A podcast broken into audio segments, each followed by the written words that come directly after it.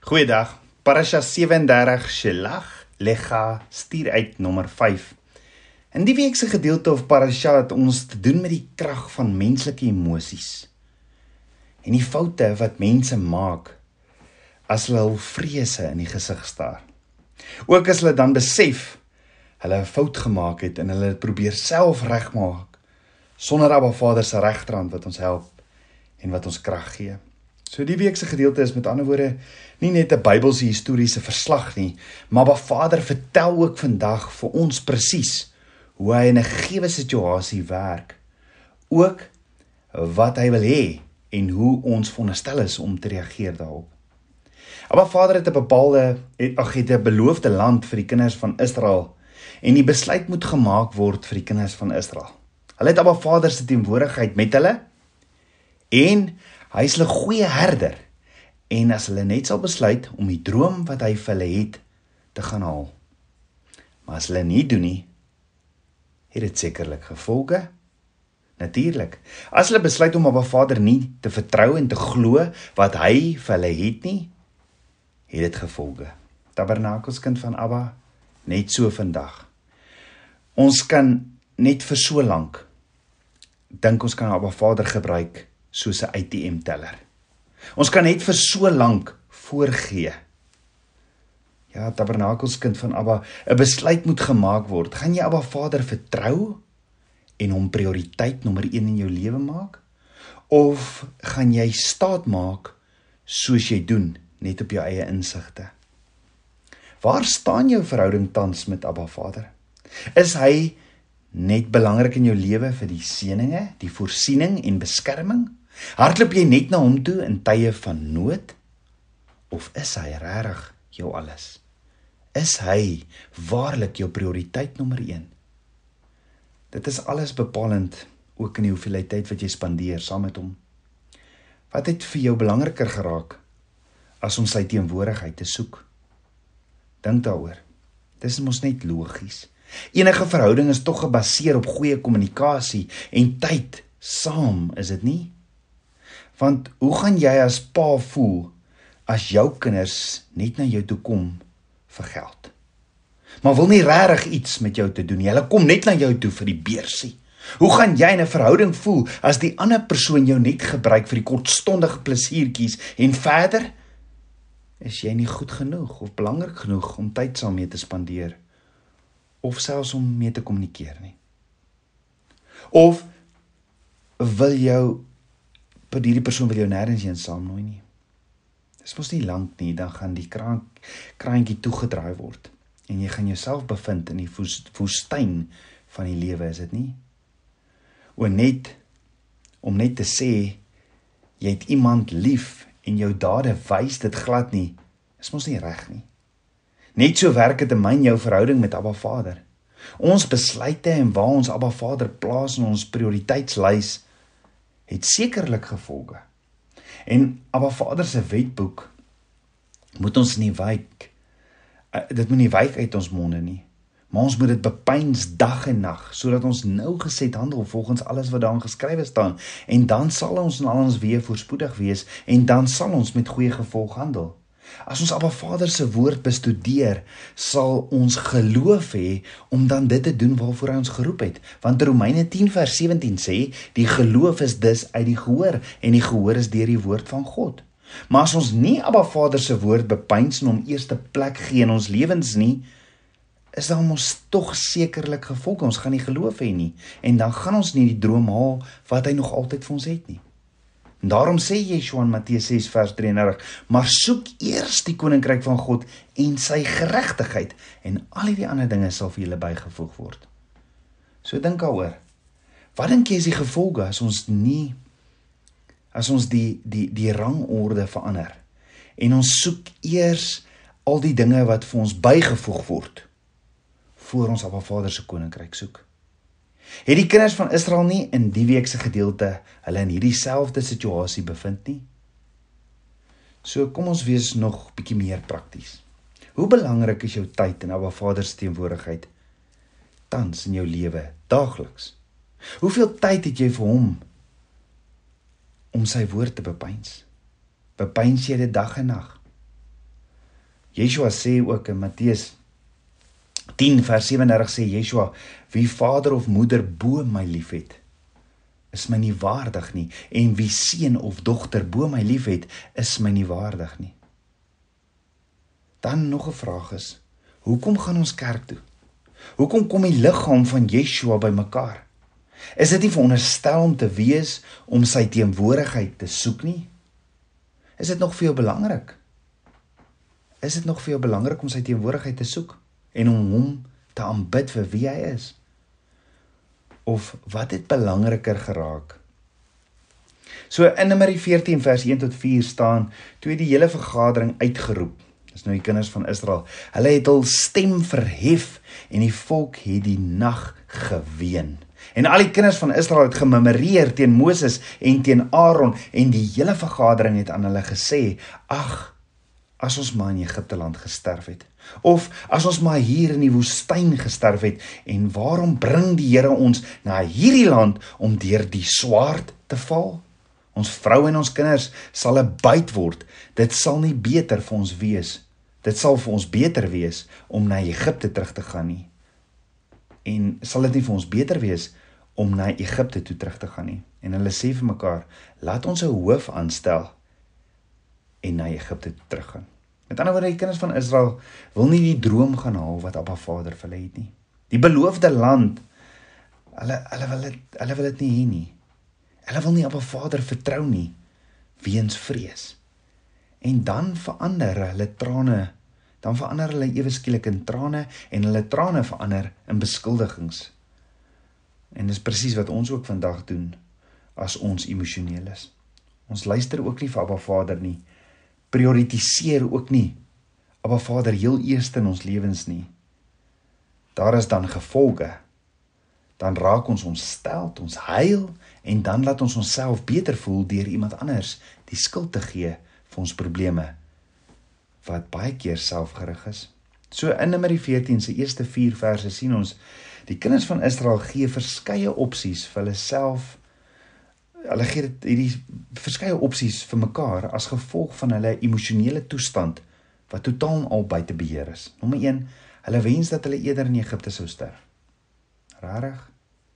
Nommer 2, hulle wens dat hulle in die woestyn sou sterf en dat Abba Vader hulle soontoe gelei het om deur die swaar te val. Dit het hulle ook gesê mos by die by die Rietsee het Vader ons nou net tot hier toe gebring om ons dood te maak. Dan nommer 3, hulle wil eerder 'n ander leier aanstel om hulle na Egipte toe terug te neem. En ironies genoeg sou hul eie harte hulle lot bepaal en Abba Vader gee toe presies wat hulle wou hê. Dit is interessant dat die kinders van Israel gesien het hoe Abba Vader hulle op arensvlerke gered het uit Egipte tot by Berg Sinaï en nou waar hulle nie wil doen wat Abba Vader wil hê nie en hulle vleeslikheid na die oppervlak toe styg. Nou beskuldig hulle Abba Vader en wil sommer ook 'n ander leier kies om hulle te help met 'n maklike weg uit die gevolge wat hulle oor hulle self gebring het. As daar moeilike tye aanbreek en die mense weet nie wat hulle gaan doen nie, hoe hulle vorentoe gaan gaan nie, is die eerste ding wat hulle doen is om te kla. Hulle begin te ween, hulle huil en dan blameer Hulle hulle soek iemand om te blameer en begin 'n ander leier soek om die vleeslike doel te bereik. En net so is dit vandag, die oomblik wat ons vandag kies om te reageer op die vleeslike en gevolge daarvan is moeilike tye. Dis woestyn. En dan begin ons te kla. Ons begin te huil en blameer en dan skuif ons na 'n ander kerk toe waar die pastoor eerder vir ons vertel wat die vleeslike wil hoor. Ongelukkig is die kamstige maklike roete wat logies klink nie die antwoord nie. Dit eindig op in die woestyn. En die punt is ons kom almal by die plek waar Ba Vader presies dit in die lig bring en presies blootstel wat regtig belangrik en op my en jou harte is. Wat ons dan doen, bepaal ons lot. Jy sien Abba Vader het vir Moses gekies en aangestel nie die mens nie en Abba Vader vra nie net vir die kinders van Israel as ook vir my en jou. Hy vra net vir die kinders van Israel as ook vir my en jou. Hy soek net 'n nederige, gewillige hart wat hom sal vertrou. Wanneer Abba Vader egter egter gewillige persone vind, dan begin die toets om te sien hoe gewillig die persone werklik is. En wanneer die toets aanbreek, moet ons egter baie versigtig wees wat ons sê.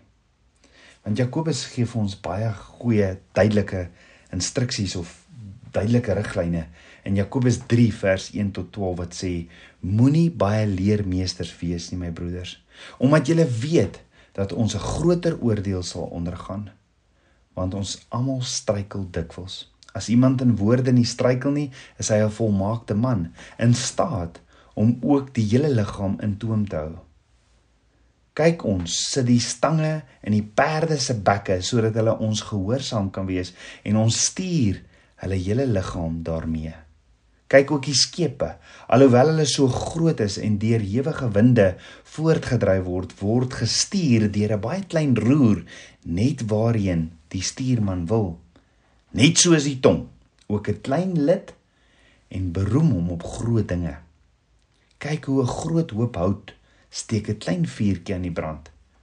Die tong is ook 'n vuur, die wêreld van ongeregtigheid.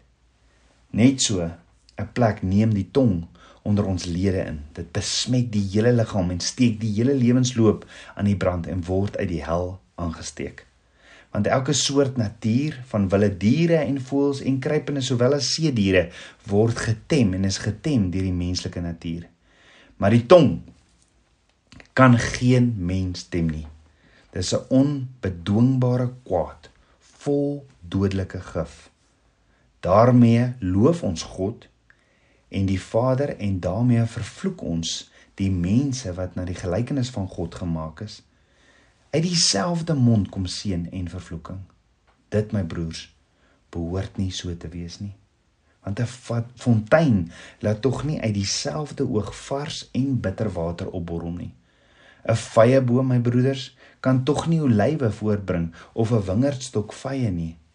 So kan geen fontein brak en vars water voor vars water voortbring nie. Ja, jy sien dokter sê ons is wat ons eet.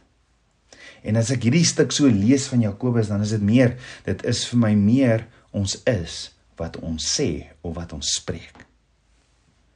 Of dit nou slegte woorde oor ander is of oor jouself of oor 'n situasie is, wees versigtig met die opsies wat jy op die tafel gooi met jou mond want dit is nou moontlik die opsies wat jy gaan kry.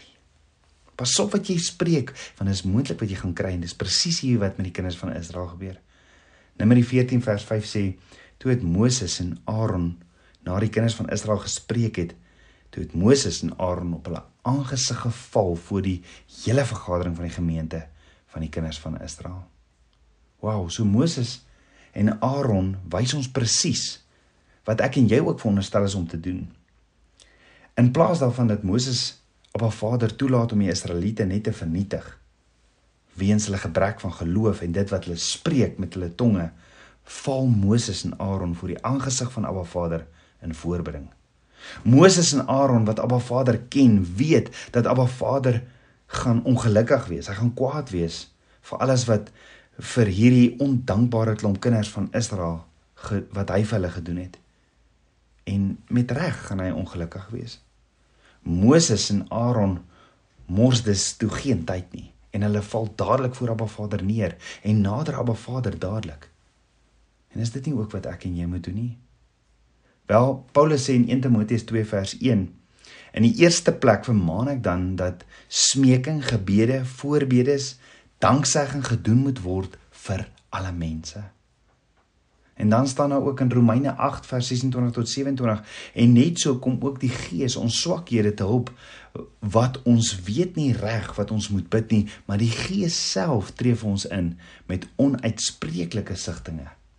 En hy wat die harte deursoek, weet wat die bedoeling van die Gees is, omdat hy ooreenkomstig die wil van God vir die heiliges intree.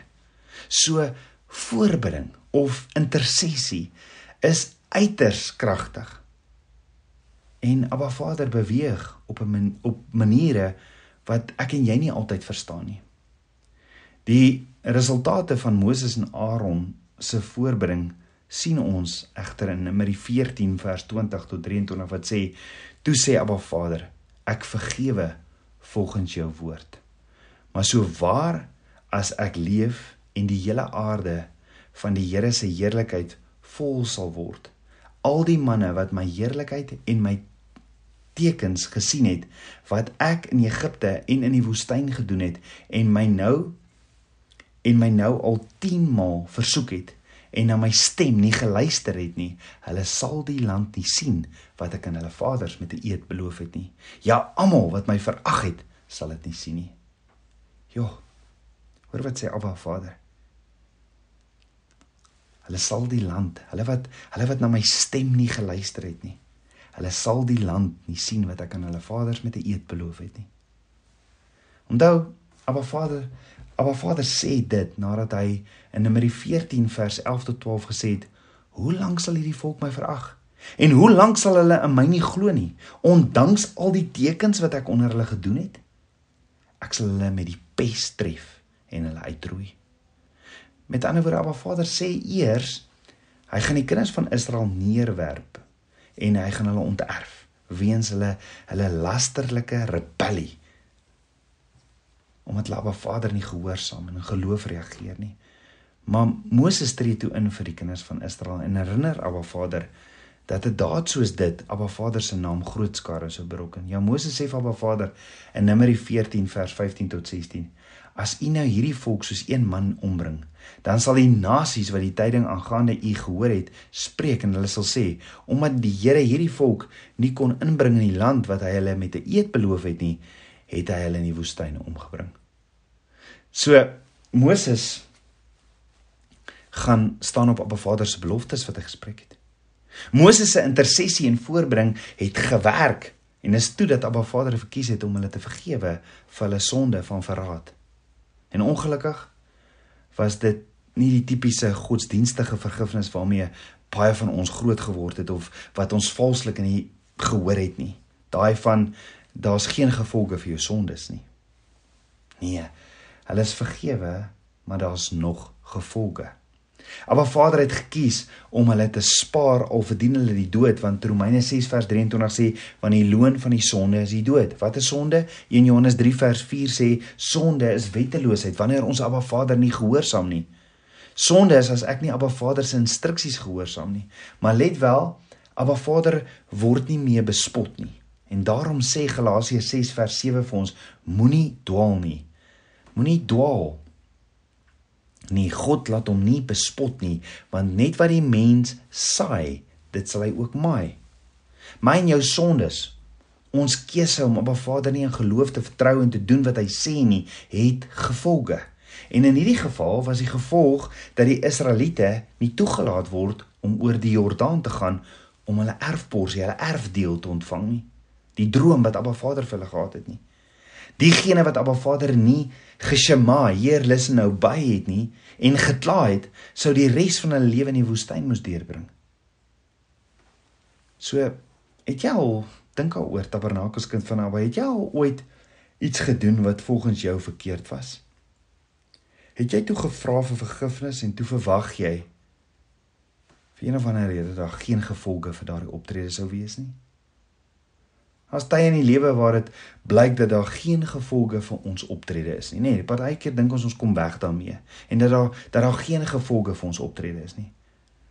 Maar ons sien soms nie dat die dinge wat met ons gebeur in hierdie lewe verband hou dalk met sekere onregte in die verlede wat ons langs die pad begaan het nie. En dit verg egter nog steeds ons op opregte of regte berou. En dis daarom waarom Dawid sê Vader deurgrond my hart en kyk of daar by my berou is. Nou regte berou volgens Abba Vader se woord vereis nommer 1 erkenning erkenning van die erns van jou sonde. Nommer 2 opregte verskoning en berou van jou foute. Nommer 3 om 'n gelofte af te lê om jou bes te doen om nie weer die foute te herhaal nie. En dan nommer 4 vergoeding aan die ander persoon vir jou fout. Nou hierdie laaste een is die een wat ons graag wil oorslaan. Ons besef nie dat ons foute iets van iemand anders steel nie. En daarom sê die woord dat ons vergoeding moet doen vir die foute wat ons begaan het. So tabernakelskind van Abba, hoekom nie vandag voor Abba Vader se voete val en vir hom jou alles gee nie? Hoekom hoekom nie hom en jou verhouding met hom die nommer 1 prioriteit in jou lewe maak nie? Want sien hoe meer ons tyd saam met hom spandeer en in sy woord dit bepeins dag en nag, hoe sterker word ons geloof. En dit is die geloof, daardie emuna wat my oorvat in 'n aksie sodat ek dan die droom kan leef wat hy vir my het. Kom ons bid saam.